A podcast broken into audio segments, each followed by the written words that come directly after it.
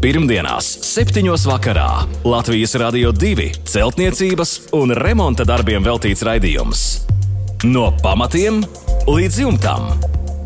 Ar padomiem un atbildēm uz klausītāju jautājumiem Latvijas Rādio 2 studijā - tehnisko zinātņu doktors, būveksperts Juris Biršs. Sveicināti! Kā šajā laikā pirmdienās pie jums dodas raidījums no pamatiem līdz jumtam. Nākamā pusstunda mūsu programmā būs veltīta jūsu vēstulēm. Padomus par būvdarbiem un remontdarbiem ir sagatavojis būveksperts, tehnisko zinātņu doktors Juris Biršs. Labvakar, Birškungs! Labvakar. Un sāksim mēs ar jūra vēstuli, un Juris ir arī pievienojis vairākus uzskatāmus fotoattēlus. Pagājuši 15 gadi, un vēlamies veikt remontu mājas pagrabstāvā. Demontējām sienas, zem tām ir pamatīgs mitrums.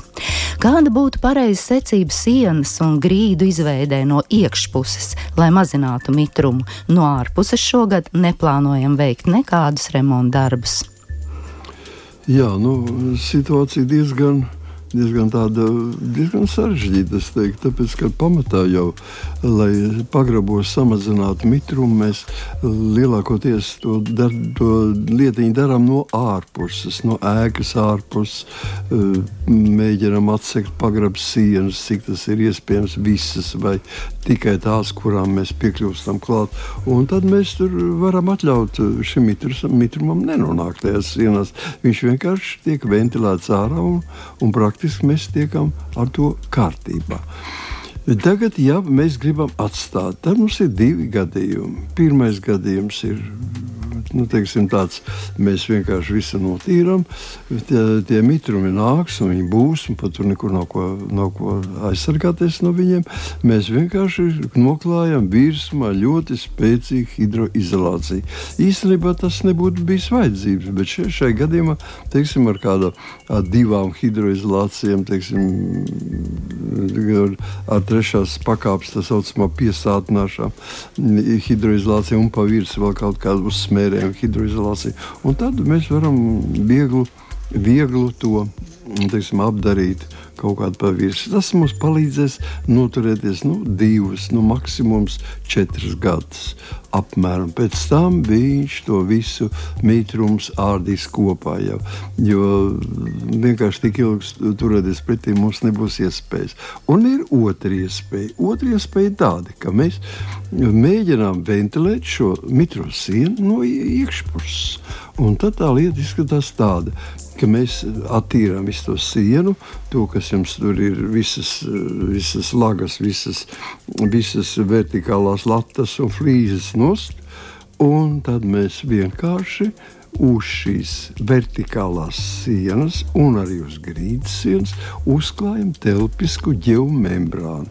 Tas ir tāda telpiska mm, ar izspiestām pumpiņām, izspiest tāda plasmas ruļveida materiāls, kas ir 8 mm pumpiņām.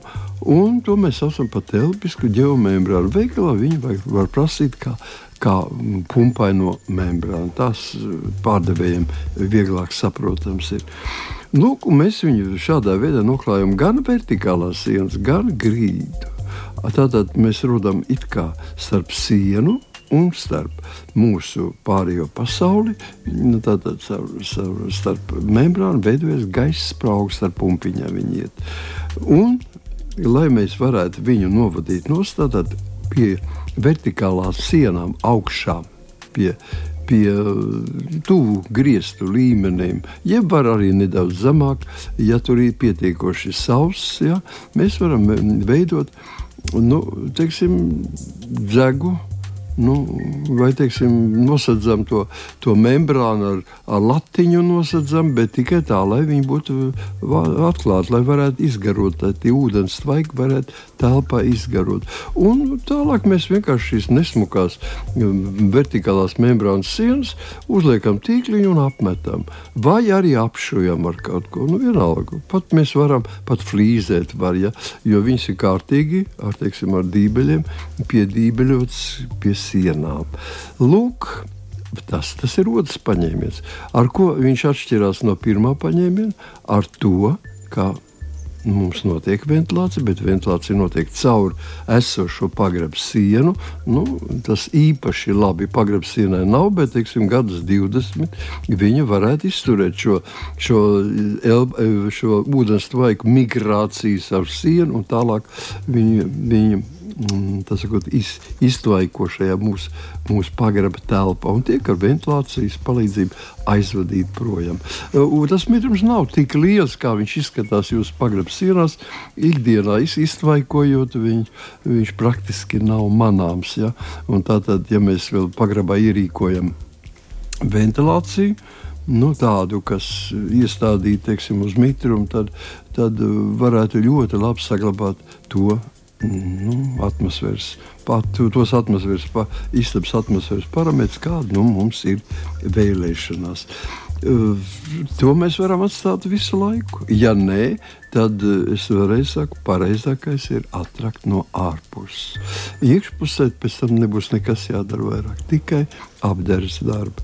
Bet, ja tam netiek klāta, vai to tiešām nevēlas, tad lūk, mans nosauktie divi varianti jums uz izvēli. Jā, bet Juris rakstīja, ka šogad nav plānota veikt nekādus darbus no ārpuses. Tātad tomēr plānot tie ir varbūt uz laiku atlikt. Jā, vienkārši. tāpēc vienkārši var to izdarīt vienkāršākā veidā. Nu, teiksim, mēs uzliekam šeit no iekšpuses ventilējušo to telpisko geomembrānu un vienkārši apšojam ar kaut ko ātri, ne sevišķi kapitāli, lai pēc tam to varētu noņemt nos un nomainīt pret flīzēm un kaut ko skaistāku. Bet arī no ārpuses puses, ja Juris šos darbus veiks pēc pāris gadiem, tad arī būs jāizmanto šī telpiskā ģeomembrāna, bet vai to pašu materiālu tad varēs izmantot arī? Jā, pēc tam viņš... neies nekas zudumā. Nē, zudumā nekas neies. To pašu varēs izmantot, būs jāpiepērk mazliet klāt. Ārpusē vienmēr tā virsma ir lielāka. Ja? Bet tas nekas, viņi var sastāvēt no vairākiem gabaliem. Tātad tas absolūti neiz, ne, ne, nepasliktina viņas darbību. Mm -hmm. Un jā, mēs fotoattēlos uzskatām, redzam, ka tas tiešām ir tāds kāpjošais kapilārais efekts, kurš ir piesūcinājis šīs sienas, no kurām ir noņemtas flīzes. Jā. Izskatās, ka tas ir rīģipsis. Uh, nu, kur... Tur rīģipsi nedrīkst likt. Nu, jā, tas, tas ir, ir jānoņem tas noteikti. Ir noteikti sapelēs un tur būs briesmīgi. Bet uh, jā, jāveido ir šī ventilācija. Var arī rīģips likt, bet tikai rīģipši tad būs šī ventilācija. Es gan ieteiktu labāk uzreiz membrānu un iekšpusē paši dzīvo sausumā visā pilnībā.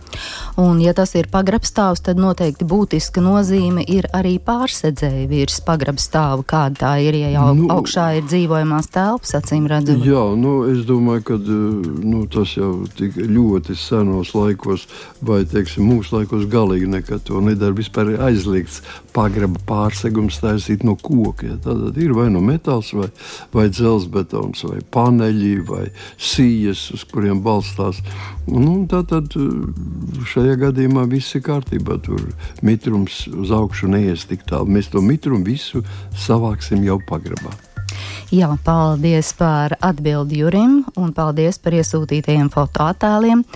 Nākamā mums ir Andra vēstule, un Andrim ir jautājums par atsevišķi stāvošu pagrabu. Esam izbūvējuši vienu metru dziļu pagrabu, sienas no keramzīta betona, kādu un kā veidot pagraba grīdu, jautā Andris.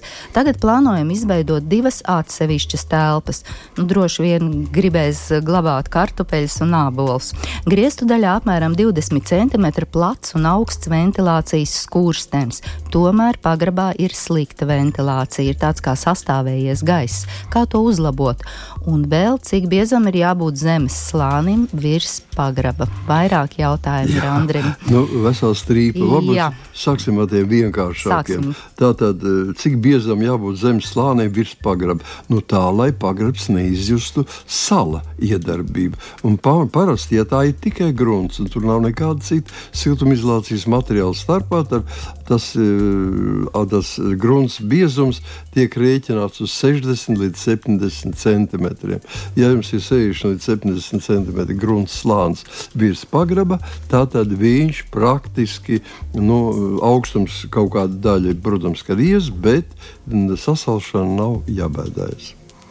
Jā, un tālāk. Un tālāk tātad skatāmies, kas mums tur vēl bija. Bija par ventilāciju jautājums. Es teiktu, ka pilnīgi piekrītu. Ja ir tikai viens 20 cm griezta daļā, 2 cm plats un augsts ventilācijas skurstenis. Ar to mēs neko nevaram ventilēt. Gaisa nevar pa vienu to pašu cauruli iet uz leju un iet uz augšu. Ja? Tas ir vienkārši jāsaprot, ka tas ir, nu, tas ir augstuma ielaišanai. Augstums gan iet gan uz augšu, gan uz leju. Un, un tā, tā, tāpēc tas nozīmē, ka to nevar. Tur varētu kas būt iekšā, pie tās vienas caurules varētu likt klāt teiksim, ventilatoru, kas velk ārā to gaisu, nu, bet pēc tam atkal jādabūna kaut kā iekšā. Viņš nu, ir pagrūti. Es teiktu, ka ir diezgan, diezgan garš tas stāstījums, bet eh, pamatā jau viens caurums jums ir. Iztaisām vēl vienu caurumu, vēl vienu skursteni. Un to skursteni princips ļoti vienkārši. Šis skurstenīts izvadīts ir ārā virs virs uh, jumta, tātad virs pagraba jumta, un arī otru, otru, otru cauruli izvadām ārā virs jumta. Tā tikpat augsta, bet viņa pagrabā iet līdz grīdai. Ne tikai no griezt, līdz griestiem, bet līdz grīdai. Un tad mēs to, kas, to, to caurules galu, kas, ir, kas iet līdz pašai grīdai, mēs vienkārši viņu griežam, griežam it kā nost. Īsinām, saīsinām, saīsinām, un pēkšņi aiziet vilkme. Starp šiem diviem cauruļiem parādās līdzsvars un sāk kustēties gaiss. Tajā gadījumā mēs šo cauruli apturam, uz, uzskrūvējam viņam virsū difuzoru, lai varētu regulēt. Ziemā aiztaisām tik, cik mums vajag uz ciet, un vasarā taisām līdz galam vaļā, lai būtu laba ventilācija. Ja mēs griežam, saīsinām to cauruli otru un līdz pašiem grieztiem, un tā arī nav nekādas vilkmes. Tad tas nozīmē, ka šie ārā virs e, pagraba jumta, kur ir, tad mēs to cauruli, kur mēs griežam, pastiepjam uz ārpusi pa centimetriem 20, 30 uz augšu, atkal nolaižam to cauruli līdz pašai grīdai pagrabā un atkārtojam to. Mē. Un tā mēs varam vairāku sestdienu, svētdienu laikā atrast to līdzsvaru stāvokli mums būs nodrošināts lielisks, garantē lieliska ventilācija. Tagad, kas mums paliek pēdējais, mums paliek par, par pagraba grīdu. Jā, jā, ko pagraba. darīt, kādu izveidot? Jā, nu, man jau gan tāda milzīga aizdoma. Es ļoti ticu cilvēkiem un ticu, ka Andris iz, iz, iz, iz, izgatavojis šo, šo pagrabu. Ir tā, nu, vismaz pēc buļbuļsāģijas principiem pareizi. Bet, ja gadījumā nav, tad uh, es cik es redzēju, bijusi bedre. Bedre ir no keramzīta betona blokiem saliktas sieniņas, pārsegums un, un, un tālāk viss tāds - skurstenīts. Un skurstenīts. Tas ir par maz. Tātad no ārpuses vajadzēja visu keramzīta betonu virsmu noklāt ar telpisko ģeomembrānu, lai tur varētu mitrums, kas nāks Bez šaubām no grunts nāk mitrums, un viņš iet uz, uz silto pusi, tad viņš ies uz pagrabu pusi. Tas nozīmē, ka, ja tur nav šī ventilācija atsevišķi atdalīta, tad pagrabs būs slapjš un pilēs no visām vietām. Un, ja nu, teiksim, tas tā ir izdarīts viss kārtībā, tad pa grīdu nevajadzētu satraukties. Grīdai mums ir kas nepieciešams. Mums ir vismaz 100 mm šķembu slānis, noplīvēts. Virs viņa tvaika izolācija un virs tvaika izolācijas betona grīda, teiksim, 5 cm betona grīda. Tur vairāk nekādas vajadzības nav. Un viss vairāk nekas tur nav vajadzīgs. Ja mums ir pareizas sienas ar ventilāciju no ārpuses, ja mums ir pareiza ventilācija kopējā telpā, tad mums šis pagrabs ir lietojams. Bet kā šo pagrabu apbērt ar melnu zemi vai granti vai dzelteno smilti, vai tas nav būtiski kāda, kāda zemes slānis? Tas nav tik būtiski, ar ko mēs tieši apbēram viņu. Nu, jo smalkāks būs smiltis, jo viņas būs smagākas, jo nu, jāskatās, lai mēs eh, nesagāžam savu konstrukciju. Nu, parasti jau viņi ar uh, mašīnām atved vai apbūdi, jo īstenībā jau pagrabu būvē uz pilnīgi līdzenas vietas. Uzbūvē pagrabu un tad sadzen grunti un atved un un, un izlīdzināja virs viņu. Tā kā tie 50, 60 centimetri, lai būtu virspusē, un gar malām skaidrs, ka vairāk būs. Mm -hmm. Un vēl bija jautājums, ka divas telpas, tātad katrai telpai, pagraba telpai šo ventilāciju nē, jāveido, vai nē, pietiks nē. ar šo dubulto skursteni? Pilnīgi pietiek ar dubulto skursteni, pēc iespējas tāds skurstenis ir viens mums tā saka, cauruli uzskatīsim, un tas otrs cauruli pēc iespējas tālāk, kaut kur kādā diagonālā stūrī. Un teiksim, tā, tā starpsiena ir pa vidu kaut kur, un viņa, viņai tātad ir atvere, durvju atvere, un apakšējā daļā ir.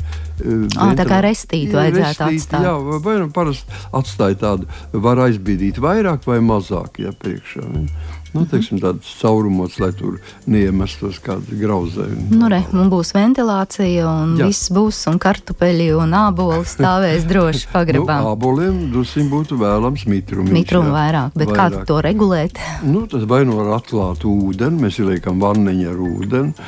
À, lai izdalās, jā, lai iztvaiko cita, vienkārši. Citos pagrabos kādreiz ir tā, ka vienkārši tur pat ir viena daļa, ir atstāta grīdā, kur, kur krājās ūdens vai viņš mitrs ir.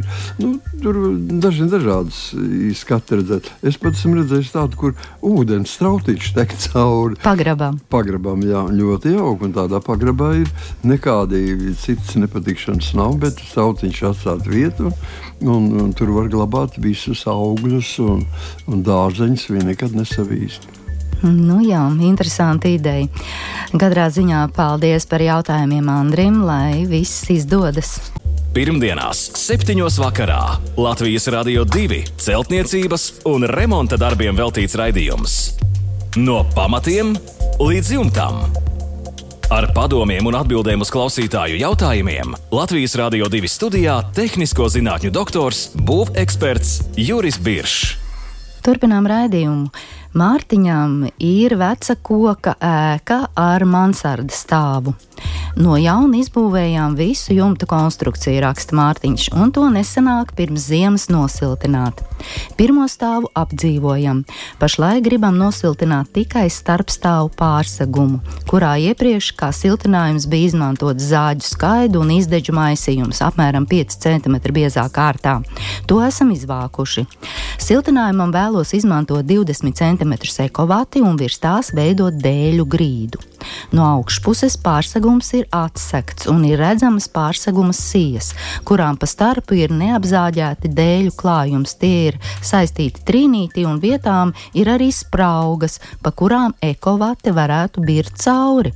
Kādu materiālu ieteikt ieklāt uz dēļiem zem ekovates, lai novērstu tās aizplūšanu? Šāds ir pirmais jautājums. Un vai dēļu grīdu drīkst veidot tā, ka tā saskaras ar ekovati, vai tomēr ir nepieciešama gaisa šķirtkārta, un vai pirms grīdas ieklāšanas ekovatei pa virsmu nepieciešams kaut ko uzklāt, nu, piemēram, būvkartonu, lai mazinātu vatas putekļu izplatīšanos.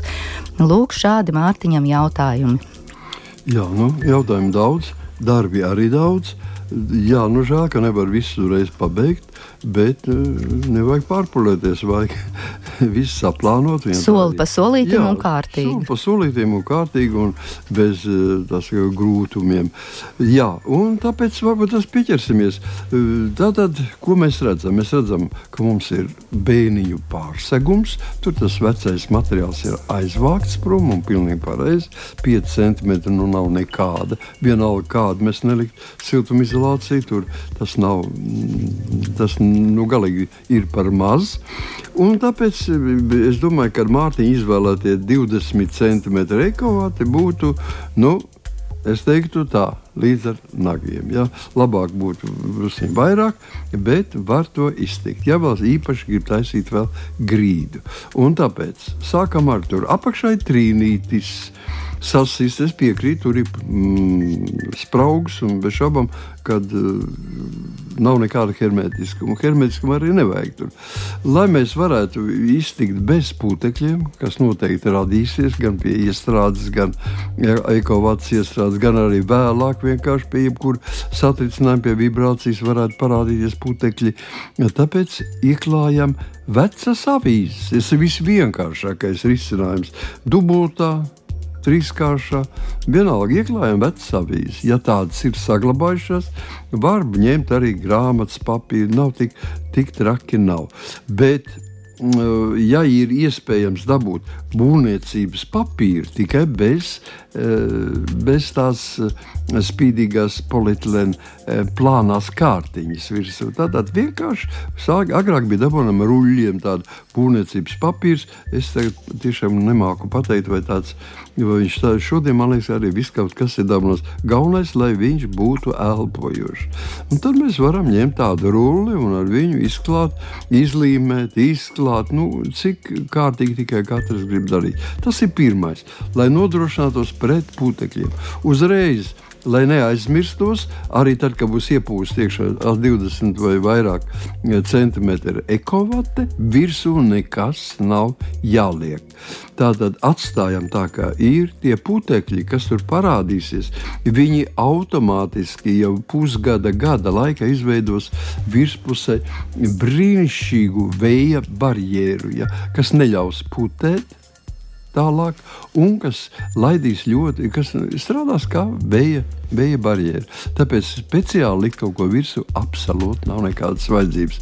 Un tālāk, lūk, mums ir jāņem vērā vēl aizrādījums. Pirmkārt, līdz grīdas virsmai ne tikai daži centimetri. Šeit būtu ieteicams 50 mm, tātad 5 cm atstarpe starp grīdas dēļiem uz pārsegumu augšā bēnītāpā. Ja? Tur ir grīda, tātad 5, 5 cm gaisa, un pēc tam iet lūk šī ekovate. Tātad tur jābūt ļoti brīvi plūstošam, dzēsējošam gaisam. Kas attiecas uz, uz horizontāli, tad lūk, šī konstrukcija, šī grīdas konstrukcija iet līdz slīpajam jumtam, apmēram 50 cm neaizejot līdz jumtam, tiek brīvs Un tur nu, tā, praktiski ņemiet vērā, ka mēs, mēs veidojam kā, uh, ekovats ieklājumu un virsū laipas, jo parasti grīdu netājas. Bet, ja nu ir nepieciešamība, tad atceramies, ka zem šīs grīdas jābūt pilnībā brīvi elpojušam gaisa slānim. Savādāk var rasties dažni dažādi brīnumi. Ja? Un tāpēc, lai tos brīnumus nepiedzīvotu, vajadzētu izdarīt to tādā veidā, lai brīvi gaiss varētu plūst gan zem šīs grīdas, gan arī tādā, cik es saprotu, augšā uz šīs grīdas būs vai nu noliktava, vai kādas pagaidu telpas, vai kas iekšā nekādas īpašas, mm, hermetiskas vai telpas, vai dzīves, dzīvojušas telpas, e, par tām mēs nerunājam. Ja tā ir dzīvojušas telpas, tad arī viss paliek spēkā, bet nu, tad viņas nodrošina arī no, pie pašobelēm viss mm -hmm. Jā, tā tad Mārtiņš droši varēs turpināt būvdarbus, ja būs e, nolēmts izbūvēt bēniņu telpas, tad Jā. šis grīdas uh, veidojums saglabājās pilnā Jā. apmērā. Katrā, mhm. katrā gadījumā tas tā ir. Jā, un vēl Mārtiņam ir vēl viens jautājums. Kāds ir jūsu viedoklis par interneta resursu komentāriem, ka ekovate nu nemaz nav tik ļoti draudzīga cilvēku veselībai? dēļ tās sastāvā esošā boraka un borskābes. Jā, nu, tur neko nevar darīt. Tur tiešām jā, mēs eh, galu galā ļoti drakoniskos apstākļos izvirzam siltumizolācijas materiālu. Gribam, lai viņš būtu sastāvēt no koka bāzes, tādām ļoti veselīgiem produktiem. Viņš tā, tā arī tiek, tiek viņam uzbrūk dažādas uh, baktērijas un, un puvis un pelējumi. Un tāpēc, lai tas tā nenotiktu, protams, ka viņam ir 80% protams, ir, ir eh, plucināts avīžu papīrs attīrīts, un šie 20% ir boraka un borskāps maisījums. Nu, es gan negribētu teikt, ka mm, tas ir kaut kas šausmīgi uh, kaitīgs. Nu, atcerēsimies, kur mēs lietojam borskāpu. Spēlējam novusu, lietojam tā kā putvieniet, uh, ēdam apelsīns, uh, ēdam citrons, viņu mizās borskābi ir ārkārtīgi lielos daudzumos. Nu, tā kā es, es nesaku, protams, ka vajadzētu vis, visām izāmēs, bet, bet katrā gadījumā cilvēki, jebkurā gadījumā, borskābe lielākā koncentrācijā par 5%, nu, varētu sākt palikt cilvēkam ne, neņemama. Ja? Mēs jau arī teiksim, cukuru nevaram kilogramiem ēst, tas arī paliek slikti. Bet borskābi ir tā, ir kā ir. Nu, viņa tomēr ir antiseptiska. Ja mēs viņu šķīdinām ūdeni, tad mēs zinām, ka pie, pie, pie mm, istabas temperatūras vairāk par 5% mēs nevaram izšķīdināt. Mums vajag sakārtot to ūdeni, lai dabūtu kaut ko vairāk, un viņš atdzies, viņš atkal izmet viņu, izkrīt kā kristāliņa ārā. Tāpēc, jā, Viņa, nu, saprotiet, paši, mēs pie labi labas, labas ekovates un laba ekovata skaitīsies tā, kas izgatavot tiešām no avīžu papīra, bet nevis no, no grāmatu papīra. Ja?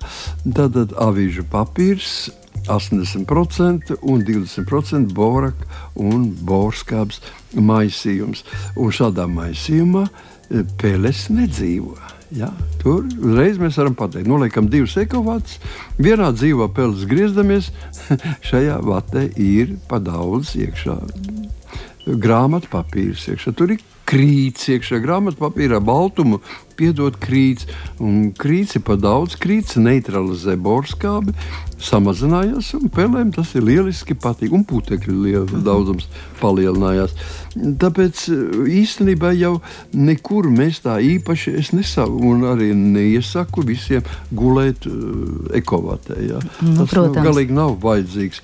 Bet, mēs arī ieslēdzam viņu uz bēniņiem, kur reti ejam. Tad mums jau šai gadījumā, kā Mārtiņš saka, pa virsmu ir grīda.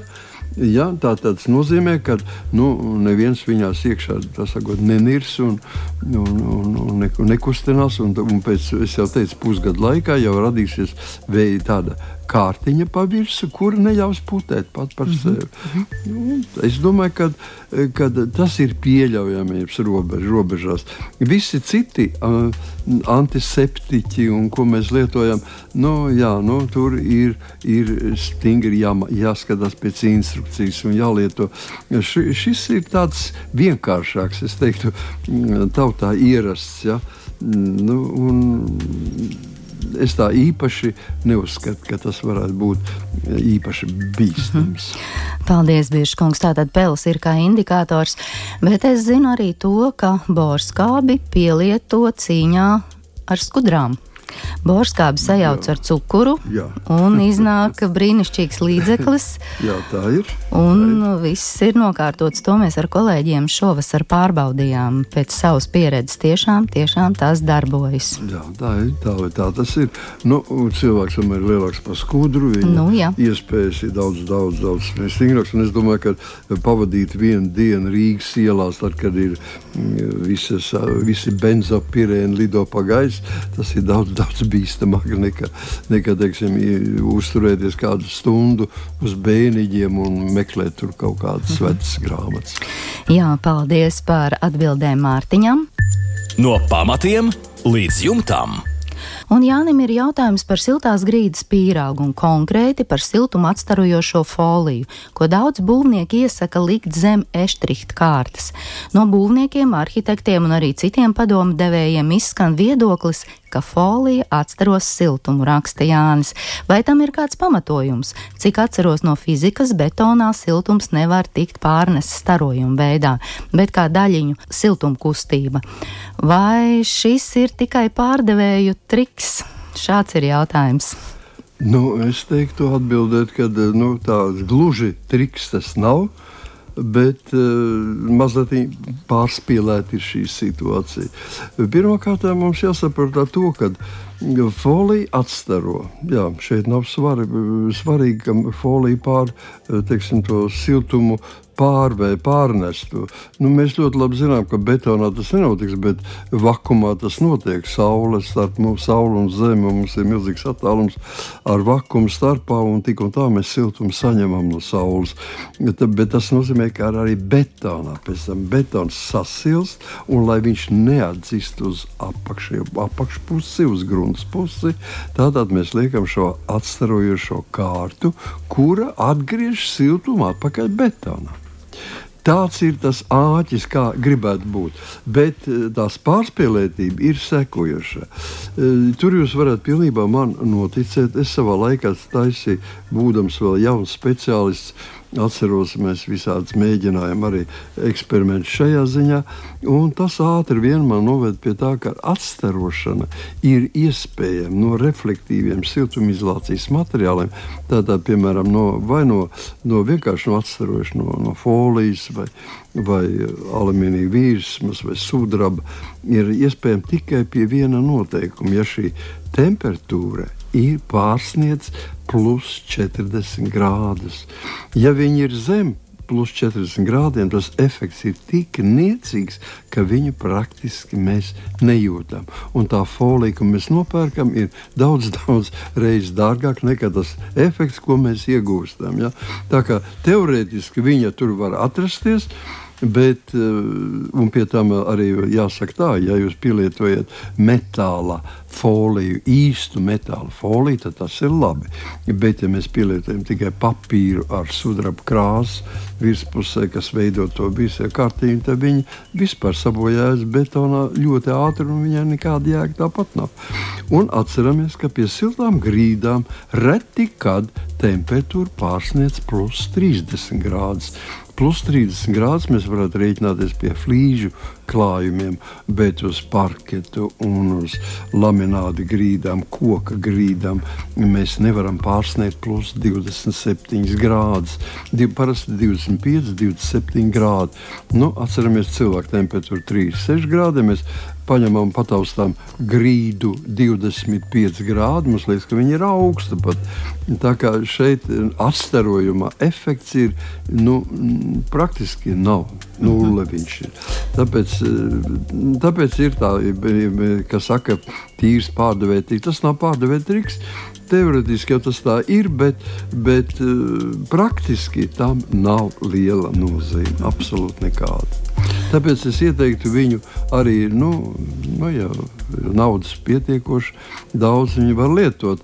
Nu, sliktāk no tā nepaliek, bet uh, liela labuma no tā nav. Mm -hmm. nu, praktiski līdzekļu izšķērdēšana. Jā, nu, protams, godīgi sakot, godīgi sakot, ja sirds jā. no tā mierīgāk jā. paliek. Es teiktu, ja kāds grib iegūt efektu ar šādu veidu eh, teiksim, atstarošanas līdzi, tad ir viena vieta dzīvoklī vienmēr ir, kur šī temperatūra pārsniedz 40 gadus. Tas ir aiz radiatoriem.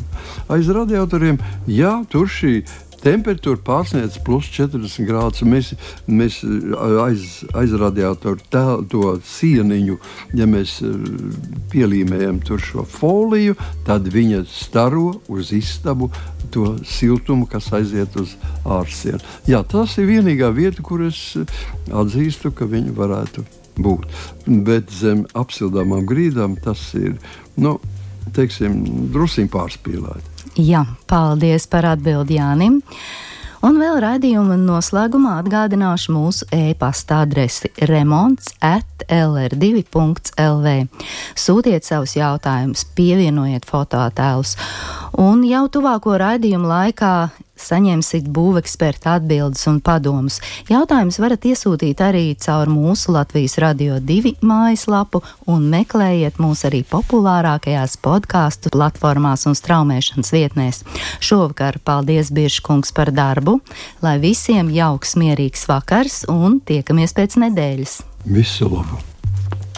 Pirmdienās, 7. vakarā Latvijas Rādio 2 celtniecības un remonta darbiem veltīts raidījums. No pamatiem līdz jumtam. Ar padomiem un atbildēm uz klausītāju jautājumiem Latvijas Rādio 2 studijā - tehnisko zinātņu doktors, būveksperts Juris Biršs.